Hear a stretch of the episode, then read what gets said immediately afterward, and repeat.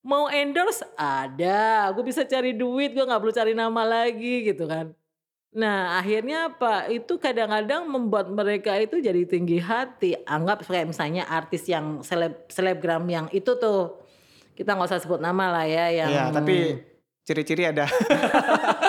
Jadi April Mbak Isti sudah membuat berita soal tanda-tanda perceraian, ah, perpisahan ya, belum perceraian, per- perpisahan antara eh, song couple ini. Kemudian penggemarnya ini mengancam saya. Terus ketika mereka mengetahui akun saya, terus mereka langsung mengancam saya, kalau ketemu aku akan robek-robek mulutnya, kita seret ya kita ini. Pokoknya saya akhirnya saya merasa harus melindungi akun saya, saya ini semua. Utara Podcast Utara Utara Podcast Tempo Institute bicara soal bangsa, bahasa, dan apa saja. Halo, saya Fadli Sofyan. Anda mendengarkan Podcast Utara, podcast dari Tempo Institute. Di Podcast Utara kita bicara soal bangsa, bahasa, dan apa saja. Kali ini kita kedatangan Isti Komatul Hayati, jurnalis dari Tempo.co. Di episode ini kita akan berdiskusi soal infotainment journalism. Hai Mbak Isti. Halo, Terima kasih ya Mbak udah bergabung di Podcast Utara Tempo Institute. sama-sama. Sebenarnya agak males sih, tapi karena dipaksa Oh, sama oh, kamu, oh, oh. boleh. Mbak, ini episode pertama aku ngomong di podcast Utara loh. Setelah berbelas episode saya di belakang mic, akhirnya kedapatan juga nih nggak baca Oh, mic berarti aku harus serius, serius, serius. Aku harus serius. Baik, baik, baik, baik. Ini Halo, apa kabar? Ini, ini, ini mempertaruhkan eh, kelanjutanku di podcast Utara nih untuk tahun depan. Ah, Asian. Oke, aku harus serius nih. Iya Mbak. Ya, Apa meski- yang bisa aku lakukan? Saya harus memperkenalkan diri dulu. Iya Mbak. Oke. nama- Kayaknya meskipun aku udah kenal nih, eh manggilnya nih Mbak Isti atau Kakak Mbak Isti aja kali. Teteh. Oke Mbak Isti, silakan perkenalkan diri. Halo, nama saya Istiqomatul Hayati. Saya bekerja di Tempo.co. Eh, sebenarnya kalau secara keseluruhan saya bekerja di Tempo selama 18 tahun. Wow. Oke, jangan tanya usia, pasti udah ketahuan dari situ. Eh, sel- saat ini saya lagi ada di kanal Seleb, tapi sebelumnya saya ada di kanal Indonesiana. Itu sebuah eh, citizen journalism, juga penulisan-penulisan opini dari eh, warga di luar Tempo. Kemudian juga ada saya pernah di investigasi sebentar, kemudian di nasional iya, ekbi sebentar, metro lebih lama lagi. Oke, apa yang bisa aku bantu? Selama dua eh berapa 18 tahun ya, Mbak? Ma- Jangan terlalu sering disebut ka- kata 18 tahun itu ya. Oke, Mbak. Berarti sekarang di Des lebih banyaknya ke entertainment news ya. Yap, Boleh kita bahas itu, Mbak? boleh. Atau bahas investigasi? terlalu berat. eh, tapi kalau seleb gitu diinvestigasi juga nggak sih, Mbak? Atau pernah ada? Kalau itu berhubungan dengan korupsi atau berhubungan dengan Oh, iya, negara iya, iya. bisa itu diinvestigasi. Ada ya yang mantan Pasti. mantan seleb jadi pejabat terus korupsi ada ya. Ah, Yang katanya sekarang yang jadi anggota DPR dulu dulu dia itu mantan wakil gubernur itu dulu juga sekarang lagi dibidik karena konon katanya menerima dana juga Eh, sebelum kita mulai aku penasaran. Kalau dari artis jadi pejabat kan banyak. Kalau dari pejabat jadi artis ada nggak sih, Mbak? sebentar saya pikir siapa ya Pejabat jadi pemain film gitu. ada juga Yusril Ada ya? Iza Mahendrawan Oh iya, jadi Laksamana ini ya. nah Cheng Ho Ceng Ho. Keren itu aktingnya. Oh, Saya juga belum tentu bisa acting. masa sih dia aktingnya keren asal malah belum lihat terus terang Oke, kita masuk nih Mbak ya ke Yap. entertainment journalism. Sebenarnya aku pernah deh ada pertanyaan dari teman. Emangnya Fat, emangnya eh, berita-berita soal seleb gitu emang termasuknya jurnalistik ya Fat? Kayaknya enggak deh. ya tentu Sebenarnya- saja Tentu. Iya, karena kan kita bekerja berdasarkan kode etik jurnalistik dilakukan oleh wartawan yang diikat oleh itu. Terus Oke. eh, kemudian kita juga menggunakan prinsip-prinsip jurnalistik juga. Ada wawancara. Kalaupun tidak bisa ada wawancara, ada eh, kita menggunakan akun-akun medsosnya si jurna, eh, si artis itu yang verified. Jadi artinya itu sudah apa yang terucap dari dia itu berarti pernyataan dia. Terus kita menggunakan gaya ala-ala jurnalistik juga gitu loh. Dan kita berusaha untuk tidak beropini. Memang ada banyak yang eh, re- apa wartawan kita itu yang belum begitu paham sekali soal kode etik jurnalistik gitu. Jadi kadang-kadang jumping ke mereka julidnya kebanyakan gitu kan. Kadang-kadang pun saya akui gitu loh, ketika saya lagi pengen julid gitu kan, saya kadang juga juga tergoda pengen julid, tapi akhirnya ya saya sadar saya itu wartawan, saya diikat oleh kode etik gitu loh. Meskipun kita eh, dijaga oleh eh, dengan kode etik itu kita dijaga oleh Dewan Pers supaya kita tidak misalnya gini eh, wartawan kan di di jo- sorry sorry nah sorry wartawan itu kan eh, dijaga oleh Undang-Undang Pers nomor 40 tahun 99 Oke. gitu nah itu mengikat kita supaya kalau misalnya ada laporan-laporan pers Ya. tidak bisa dilaporkan ke polisi sama Oke. polisi eh, di sebelum melapor ke polisi sama polisi akan direkomendasikan lapor ke Dewan Pers Dewan dulu. Pers, oke. Tapi itu tidak serta merta kemudian kita mau seenaknya sendiri. Kita kita tetap menggunakan kode etik karena nanti Dewan Pers juga akan memutuskan apakah kita bersalah apa enggak. Kalau itu bersalah dan itu bisa dibawa ke polisi ya bisa juga gitu loh. Walaupun nanti putusan Dewan Pers biasanya kan silakan membuat minta maaf secara terbuka, kemudian apa namanya eh, memberikan hak jawab gitu. Tapi itu tidak membuat kita terus seenaknya sendiri. Gue aman nih, gue eh, apa namanya? eh gue kebal, nggak nggak juga. Wartawan kan juga nggak kebal hukum juga. Oke, jadi sebenarnya sama ya Mbak? Eh, Sama. entertainment, politik, cuma bedanya mungkin di objeknya kali ya Mbak ya, di objek Yap. pemberitaannya. Se- secara apa? Prinsip, kode etik sama. Sama. Dan sebenarnya jujur ya, karena saya sudah pernah di nasional, saya sudah pernah Mhm. di metro, saya sudah pernah di Egbis gitu. Sebenarnya jujur nih, sejak saya pegang seleb itu sekitar bulan resmi saya pegang seleb itu bulan Agustus. Oh, baru nih ya. Ha-ha. Tapi itu saya benar-benar merasakan muak sekali. Mungkin karena lebih ini ya kali ya, lebih apa ya? Banyak fans-fansnya yang ikut campur kali ya atau gimana? Nah, muaknya itu bukan bukan karena kita muak, buat bukan muak karena apa-apa gitu loh. Muaknya itu adalah terus terang ya, ini saya bloko-blokoan gitu loh. Mewawancarai artis itu jauh lebih sulit daripada wawancara politikus. Oke. Sekarang gini, kita akan mencari, apalagi saya kriteria Tempo itu agak susah untuk mencari eh, untuk menulis berita soal. Setidaknya dicari artis yang bukan artis skuter. Kamu tahu nggak skuter itu apa? Apa tuh Mbak? selebriti kurang Oh, terkenal baik. pasti akan mencari eh, artis atau selebritas yang followernya banyak. biar, biar nilai beritanya tinggi ya Mbak? nah, karena dia udah banyak, dia bisa bikin media sendiri di media sosial dia di akun dia. Iya. Jadi artinya apa? Dia nggak butuh media. gue udah punya gitu kan. Mau endorse ada. Gue bisa cari duit. Gue nggak perlu cari nama lagi gitu kan.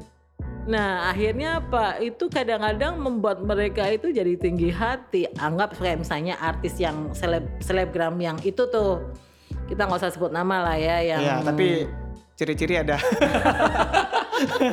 yang sekarang bersalin rupa ya dia masih tetap dengan gaya dia tapi sekarang lagi terjun dengan hing- hingar-bingarnya terjun ke dunia itu. Oh, itu. Itulah, itulah. Duh, jadi pengen nyebut. Eh, dan Tapi dia, takut salah. Dan dia tuh matok duit gitu loh. Oh, oke, Artinya oke. saya mau bilang artis seperti dia itu gak bukan hanya dia aja yang matok duit untuk wawancara. Padahal kita nggak boleh, kita nggak boleh menerima atau membayar untuk sebuah wawancara. Wawancara jurnalistik. Ah, yang benar kita nggak boleh, dia tidak dibenarkan untuk membayar atau menerima bayaran dengan kerja jurnalistik kita. Kecuali kalau misalnya kita mengundang artis itu datang ke Fan. kantor atau ke event gitu ya. Kita bayar dia untuk eh, ongkos transportasi aja, tapi bukan harga dari wawancara itu. Oh, bukan. Yang 50 juta. Jangan sebut angka ya. Oh, ya ya misalnya 50 juta Ah, ya. ya oke oke.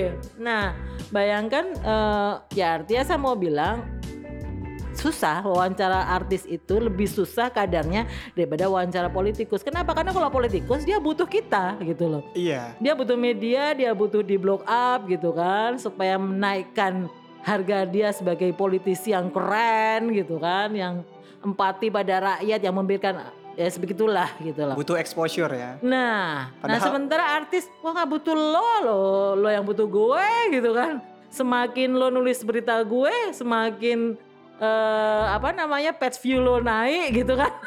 Betul betul betul betul betul. Gitu. Oke. Eh, jadi pengen ngebahas Mbak eh, Mbak Ar, Mbak Isti, saya jadi pengen bahas terusin yang tadi nih artis yang itu. Tapi kayaknya kita ganti aja gimana? ya? Iya. Ganti ya. Tapi padahal kalau kita ngebahas dia bisa nambah exposure kita kayaknya. bisa jadi pansos kayaknya nih. Kitanya yang pansos lebih Iya. tepatnya, bukan dia yang pansos ke kita. Iya, tapi aku nggak punya lawyer yang kuat jadi kita skip aja ya. Oh, kita harus punya lawyer yang kuat untuk berhadapan. Iya, iya, iya, oke Mbak. Nah, tadi kan udah jelas ya kalau entertainment news, ah sorry, jurnalisme apa ini namanya? Sel, Jurnal eh, in, entertainment journalism ya. iya, ya itu ya berita soal seleb atau dunia hiburan, showbiz mungkin ya seperti itu. Itu kan eh, berbeda dengan lambe turah, berbeda nggak? Ya, kalau eh, saya bukannya mau mengecilkan teman-teman di situ karena kan kita sama-sama cari uang gitu ya, cari nafkah gitu Oke. loh.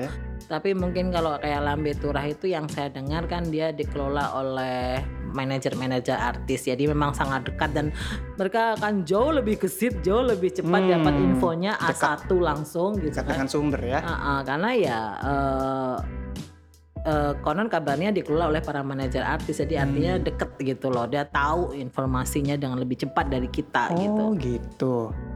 Jadi kalau infonya itu kan di Lambe Tura kan nggak nggak semuanya infonya soal hal prestasi dan kebaikan kan. Mm-mm. Jadi kalau info yang agak miring juga itu iya dikelola oleh art oleh orang sekeliling artis juga mbak. iya Kabarnya gitu. Iya ya, mungkin ini yang membedakan dengan Jadi main blowing gitu. jadi ini yang mungkin yang membedakan dengan eh, wartawan yang beneran sama yang eh, wartawan yang Alternatif. tanda kutip Tanda itu. karena mereka kan bermain di media sosial. Nah kalau media sosial kan diikat oleh bukan oleh kode etik nih. Mereka diikat oleh undang-undang ITE sehingga memang walaupun sebenarnya mereka lebih eh, kalau wartawan yang benar kita lebih fleksibel ya lebih luas gitu loh ya. Mereka sebenarnya sedikit-sedikit bisa kena undang-undang ITE makanya nggak eh, nggak nggak jarang nggak jarang itu berarti sering ya. Hmm. sering kali eh, lambe turah suka di ban atau dilaporkan.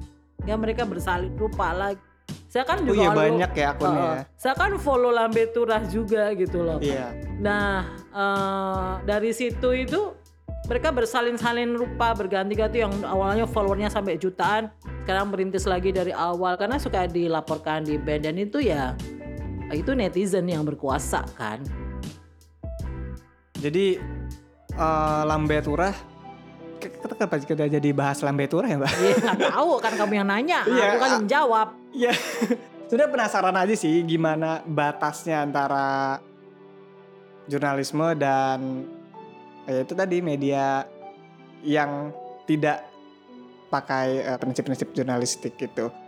Oke, lanjut lagi nih Mbak. Mm-mm. Kayaknya aku ini orang yang jarang mengikuti dunia perselebritisan. Aku juga enggak sih. Loh. Tapi karena pekerjaanku akhirnya terpaksa iya. Oke. Tiap hari pantau gadget, tiap hari pegang HP lama-lama mataku bisa jereng ini ya buka gitu kan berhari-hari berjam-jam wah ada isu apa ya ada isu apa ya dan saya justru walau eh, saya harus mengucapkan terima kasih kepada akun-akun gosip itu Wah, Karena- membantu kerja jurnalistik Karena ya. mereka sangat membantu pekerjaan saya dari informasi dari mereka lah akhirnya saya bisa tahu gitu ada info ma- apa ini gitu. Karena mereka kan lebih cepat gitu kan. Jadi eh, mereka juga membantu dan dan itu diverifikasi kembali oleh Mbak Isti. Iya, saya tentu saja tidak akan menggunakan informasi dari mereka eh, sebagai dasar tulisan saya. Tapi saya mendapatkan informasi baru dari mereka itu sebagai tahap awal Dasar ya. dasar. Kemudian dari situ apakah kita mau wawancara atau kita langsung ke akun medsosnya si artis itu. Oh. Tentu saja kita cari yang sudah centang biru ya. Mm-mm. Karena itu tuh menunjukkan bahwa itu memang tulisan dia. eh, itu memang ucapan dia gitu loh. Dan yang centang biru itu emang bukan seleb skuter ya. Hmm, Seleb terkenal. Tapi ya sekarang ya kamu aja juga bisa dapat centang biru kan? Oh iya ya. Kalau followermu udah mulai banyak. Iya, Jangan lumayan. kita ya. agak, agak selektif mencari followernya yang cukup banyak dan emang kita tahu dia udah terkenal gitu ya. Kita udah ya nggak mungkin lah saya akan mencari eh, skuter gitu ya. Kadang-kadang juga males juga kalau berita apa skuter. diberitain? Oh, buat apa diberitain gitu kan. Kecuali kalau dia bikin skandal gitu ya sama artis besar gitu kan kayaknya menarik juga nih. Oke, jadi eh, jelas ya meskipun bisa berdasarkan dari informasi lembe turah atau dari media sosial dalam jurnalistik tetap melakukan verifikasi kembali ya Mbak. Dan Iyap. eh, Aku boleh makan kan? iya, jangan dong Mbak, Kenapa? nanti kedengeran. Oh iya, memang aku sengaja ngiming-ngimingin sih. Oke lanjut lagi nih ya. Hmm. Eh maaf maaf ya pendengar ini emang udah kami buat-buat. Eh, lanjut lagi ya apa nih Mbak ya? Aku mal tadi tuh mau nanya jadi lupa kan Aku Mbak Isti mau nanya mau makan. makan apa-apa kan? Iya boleh deh Mbak. Mbak Isti spesial deh boleh. Hmm. Aku tadi mau nanya soal, aduh lupa. Nah Mbak, pertanyaan berikutnya nih Mbak. Eh memberitakan artis itu kan, eh, pasti mereka punya fanbase nih, Hmm. punya, ya gitulah, garis kerasnya lah. Pernah nggak sih Mbak gara-gara menceritakan artis atau grup atau siapa pun itu terus Mbak Isti dicerca itu di Kan aku udah pernah cerita sama Loh, kamu. pendengar ini belum cerita aku cuma mancing aja gitu iya gitu sampai di doxing gitu misalnya doxing itu dikepoin gitu personalnya di media sosial itu pernah nggak sih mbak kayak gitu Pernah dong. Jadi ini boleh nggak sebutin artisnya atau boleh.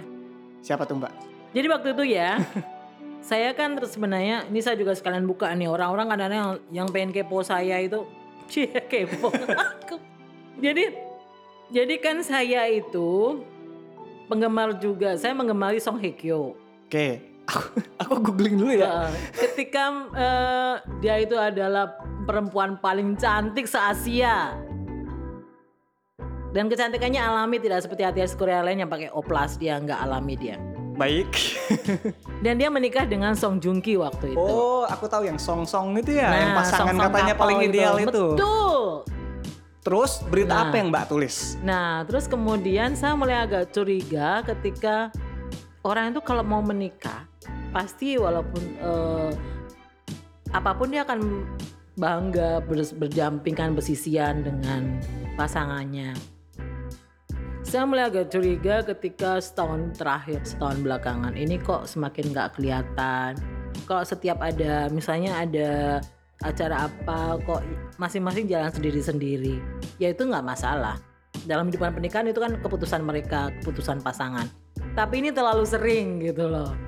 Akhirnya kan kebetulan pada waktu itu juga ada berita dari eh, berita-berita dari Cina gitu kan yang mengkepoin mereka juga kalau mereka tuh bermasalah gitu. itu dari Terus- media massa di Ah, dan akhirnya marah sekali. Nah, saya mau cerita. Jadi eh, penggemar Korea itu memang luar biasa dayatnya. militan Lebih militan dari cebong dan kampret. Yang sekarang berubah menjadi cepret. Ya, ya, ya. oke mbak, kita kembali lagi ke Korea. Oke, oke. Iya. Nah, ya kita tahu dong belajar yang kasus kemarin eh, Choi Jiri atau Suli itu. Iya. bagaimana dia bunuh diri karena dibully oleh netizen. Nah, eh, di di di penggemar Korea di Indonesia itu pada die hard. Tapi lebih jauh-jauh lebih, lebih gila lagi Kinet. Kinet itu adalah sebutan netizen Korea. Dan mereka bisa melakukan blackmail segala macem gitu ke artisnya sampai akhirnya artisnya benar-benar stres kan. Nah akhirnya jalan ya kadang-kadang jalan pintas yang diambil tuh nggak sedikit korbannya kayak gitu di Korea. Nah hmm, Barangkali dari situ bukan bahkan dari situ sih. Tapi waktu itu karena saya terus memantau Song Hye Kyo karena dia juga artis favorit saya karena saya suka dia. Saya sudah merasa ada yang aneh ini. Ada yang aneh. Saya pantau terus. Sampai kemudian saya semakin merasakan wajahnya tidak secerah pengantin Wah. yang belum lama kan dia menikah tahun eh 2017 Oktober 31 Oktober 2017 kemudian eh, sudah mulai jalan sendiri-sendiri 2018 Betul loh Mbak 31 Oktober 2017. oh iya Wow, bener-bener ngefans ini. Di saya buka eh, Wikipedia ini bener. aku nggak lihat loh ini Iya, aku iya. nggak ada apa-apa. Mbak Isti ini nggak lihat apa. Oke, lanjut. Lalu Nah. dari tanda-tanda itu Nah dari tanda-tanda itu saya sudah terus memantau sampai kemudian saya menemukan di sebuah eh, YouTube ada yang eh, menunjukkan gambar itu dalam sebuah hajatan pernikahan. Mereka itu berdua itu datang masing-masing. Hajatan Kondangan. pernikahan kondangan, mereka Kondangan. datang masing-masing. Song Joong Ki di sudut sana, Song Hye Kyo di sudut sana, tidak saling bertegur sapa. Ini sudah aneh gitu loh. Kemudian saya lari ke IG-nya Song Hye Kyo. Di situ saya melihat sepi, dia menggambar lukisan, dia bermain dengan kucing. Saya punya kucing banyak, jadi saya tahu psikologi orang yang menyukai kucing. Kucing adalah termasuk binatang paling tepat untuk merilis sesuatu perasaan kita, kesepian kita. Itu kucing dan anjing. Karena mereka binatang yang selain menggemaskan juga ya yang enak untuk diajak mengungkapkan hati, mencurahkan hati itu dari situ Bisa saya merasa kayaknya nih. eh, dan wajahnya Song Hye Kyo itu memperlihatkan kemuraman bohong kalau orang yang men- menyukai Song Hye Kyo tidak merasa ada keanehan di situ. Nah, kemudian saya mulai dengan dikaitkan dengan berita-berita itu, saya membuat berita itu, dari- bulan April kalau nggak salah. April atau Maret saya buat berita 2019 2019. ya. 19 kan ya. Saya memberitakan bahwa sekitar April atau Maret, Maret April kalau nggak salah April awal April, Eh, bahwa melukis dengan dengan back backgroundnya itu lukisan satu kursi satu senyap sunyi memperlihatkan kekosongan hati. Terus saya merasa bahwa ini adalah mengisyaratkan perpisahan. Nah benar berita itu langsung diserbu sama fannya pasangan ini. Saya mereka mengini sampai menelusuri akun akun saya. Hmm. Nama saya ini ibu ini matanya apa nih mata sampah ini begini begini begini apa nih gini. Padahal kan saya nggak mengatakan bahwa mereka bercerai tapi mengisyaratkan perpisahan. Aku udah baca beritanya nih. Lagi buka beritanya. Jadi judulnya nih ya, pendengar. Unggah foto Song Hye Kyo isyaratkan berpisah dari Song Juk. Tanda tanya Tanda kan? tanya. Pakai tanda tanya. Istiqomatul Hayati penulisnya. Bulan apa? Ini 10 April 2019. April kan? Masih inget loh. Nah itu pengumuman cerai Kemudian- Juni. Juni. Jadi April Mbak Isti sudah membuat berita soal tanda-tanda perceraian, ah, perpisahan ya, belum perceraian, per- perpisahan antara uh, song couple ini. Kemudian penggemarnya Ini mengancam saya. Terus ketika mereka mengetahui akun saya, terus mereka langsung mengancam saya. Kalau ketemu aku akan robek-robek mulutnya. Kita seret ya kita ini. Pokoknya saya akhirnya saya merasa harus melindungi akun saya. Saya ini semua. Ingat gak waktu itu Fadli? Gak bisa me- memberikan komen ke aku gitu kan? Oh iya iya iya, kamu nonaktifkan komentarnya ya. Eh, Padahal saya pokoknya- juga mau membuli Mbak Isti itu. Nah itu yang terjadi saya akhirnya saya bilang saya juga sampai pada waktu itu juga berpikir jangan-jangan mau kelewatan ya jangan-jangan jangan-jangan aku kelewatan eh, memposisikan diriku sebagai fannya dia sama sebagai wartawan gitu. Tapi yang Mbak Isti lakukan itu sudah sesuai kan dengan uh, cara kerja jurnalistik belanja bahan, Iya. verifikasi lewat. Jadi saya mencari dari semua referensi-referensi berita-berita yang selama itu, terus sama bagaimana saya eh, melihat apa yang ada di IG dia, kemudian saya menyimpulkan dan pada saat itu saya melihat ternyata foto-foto Song Jung Song Joong Ki itu sudah mulai dihapus sama dia. Hmm, postingan lamanya. Ah, ah, tinggal empat biji gitu kan. Hmm. Ah, pada waktu itu sudah mulai dihapusin beberapa sudah mulai yang paling tersisa itu cuma foto itu, foto nikah sama foto pada waktu itu ya. Foto nikah sama foto waktu eh, Descendant of the Sun, promo Oke. film promo drama Korea mereka. Nah, Juni kalau nggak salah si Song Joong Ki mengajukan gugatan perceraian. Padahal pada saat itu setelah eh, setelah si Song Hye Kyo menuntaskan dramanya yang terakhir sama Pak Bogum itu jangan salah ngomong Pak Bogum ya dia Bogum Kalau salah nanti diserang lagi. nah eh, apa namanya eh, pada waktu itu saya dengar rencananya si Song Hye Kyo itu sebenarnya ingin fokus ke keluarga walaupun mereka udah berpisah lama tapi dia ingin fokus ke keluarga dan bahkan ingin eh, bisa bisa melahirkan gitu kan ingin fokus ke situ. Tapi rupanya sebelum niatnya itu kesampaian Song Joong Ki udah melayangkan gugatan perceraian. Sekitar bulan Juni Juli coba dicek. Oke oke oke. Jadi gara-gara berita itulah Mbak Isti. Ya enggak.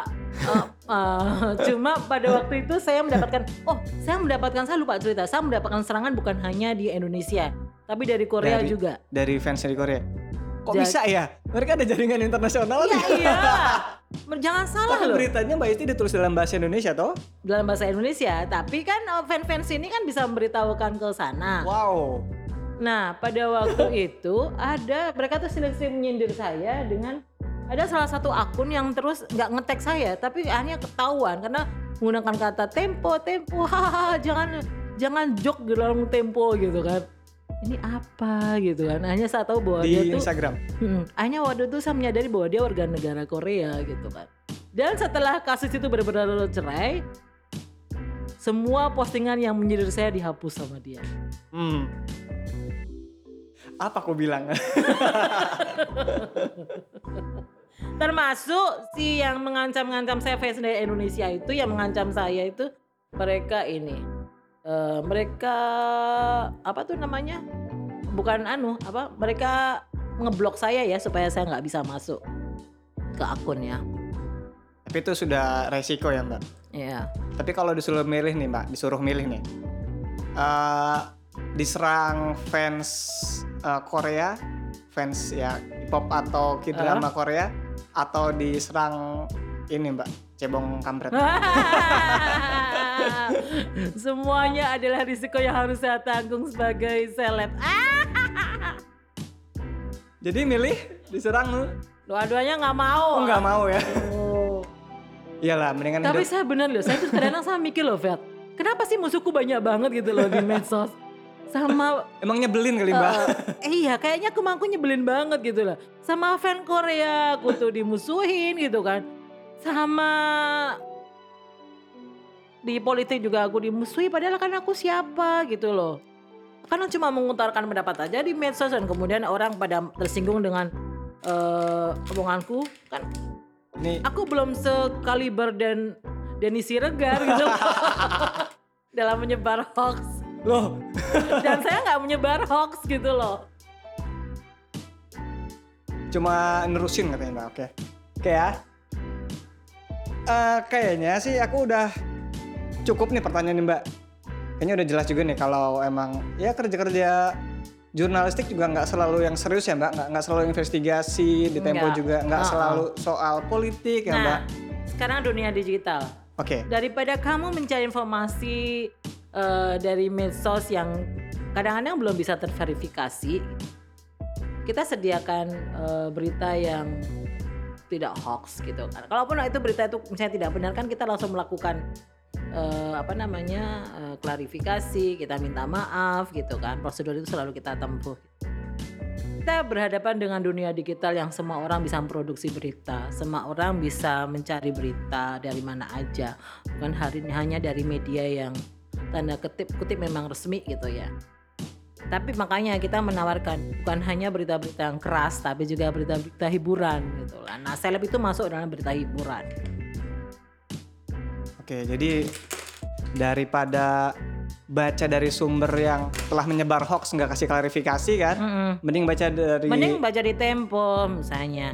karena kalaupun salah pasalnya enak nggak? itu enak. Itu tadi suara kesak-kesak Mbak Isti lagi buka makanan ya. Bukan noise ya, karena alatnya ini bagus kok. Hmm, enak enak. Oke Mbak Isti, untuk menutup nih Mbak Hmm. Isti. Sebenarnya kata kalimat yang tadi itu udah bagus sih buat menutup ya. Apaan? Yang kalau deng eh, cari berita itu dari sumber yang terpercaya. Tapi kasih kalimat penutup dong buat pem- mungkin pesan-pesan untuk orang-orang yang mem- membuli Mbak Isti waktu itu. Ada pesan-pesan atau untuk eh, Apa? apa ya penggemar berita entertainment gitu? Ada nggak pesan-pesan? Apa ya? Tapi yang jelas sih gini, untuk para penggemar-penggemar artis ya jangan terlalu mendebakan orang lah ya. Fanatis ya. Mm, fanatis yang terlalu berlebihan. Karena bagaimanapun dia sama-sama manusia sama kita. Sama-sama makan, sama-sama tidur, sama-sama ngepup gitu ya, sama-sama pipis, bahkan sama-sama ML juga gitu kan. dia punya kehidupan sendiri juga gitu. Ya tahu kok. Udah Mbak. A- apalagi ya? Yang mau membutuhkan apa? Aku mau ngomong apa? Yang jelas gini, cari berita dari cobalah mencari berita, membaca berita dari sumber yang terpercaya gitu loh. Tapi boleh Mbak baca lambe Dura? masalah, wong saya juga follow. Cuma maksudnya jangan terlalu percaya apa pun yang keluar sebelum itu terverifikasi benar gitu loh. Dan kalau ada kebenarannya kalau dari aku nih biasanya beneran katanya datangnya dari Allah. bukan maksudnya orang tuh biasanya kalau sebar nih ya sebar itu ternyata hoax dan ada verifikasinya gitu klarifikasinya dan mereka yang udah terlanjur sebar hoax nggak ikutan eh, sebar klarifikasinya dan itu menurut aku nyebelin sih Iya. Kayak misalnya kayak gini yang kemarin yang baru saja ini eh, kembali lagi sebentar. Kayak kemarin eh, yang eh, baru-baru saja terjadi eh, Franda. Franda ini setelah dia marah-marah waktu nama anaknya dipakai oleh oh iya iya penggemar. iya. Nah, eh, akhir-akhir ini dua sehari kemarin itu rame lagi berita Franda. Ini adalah sebenarnya instastory Franda dua tahun lalu ketika eh, dia agak geli tapi juga jengkel tapi juga ketawa gitu kan menanggapi wajah dia di eh, dilukis di ba- bagian dan belakang truk. Terus dia protes kenapa wajahku yang pasang di situ gitu kan. Itu sebenarnya itu stat- eh, status dia di instastory dia dua tahun lalu. Tapi entah kenapa muncul lagi dan celakanya informasi itu dipakai lagi di beberapa media online gitu loh. Nah, cuma ada beberapa kalau dia baik, kalau dia benar, media online itu akan beritakan bahwa berita kemarin salah, ada klarifikasi dari Samuel, dari suaminya yang mengatakan bahwa itu udah dua tahun lalu dan lagi pula eh, Franda sudah tidak aktif di medsos lagi sejak kejadian anaknya oh iya itu. nama anaknya gitu. itu ya jadi baik-baik lah berbijak-bijak lah Ah-ah. di media sosial wah ini sangat bijak loh Mbak Isti ini jarang-jarang gue gitu loh. Oke deh Mbak Isti terima kasih banget udah gabung di podcast Utara. Oke, makasih Mbak Isti. Sama-sama, makasih banget ya ini mah pastelnya dan juga tadi yang enak banget. Oke, terima kasih telah mendengarkan podcast Utara. Kita telah berdialog bersama Isti Kumatul Hayati, jurnalis di Tempo. Podcast Utara dipersembahkan oleh Tempo Institute Center for Excellent Journalism. Anda bisa akses informasi lengkap podcast ini di website Tempo Institute. Pastikan Anda mengikuti setiap episode podcast Utara dengan follow channel kami di Spotify, Anchor, dan Podcast. Saya Fadil Sofyan, terima kasih telah mendengarkan.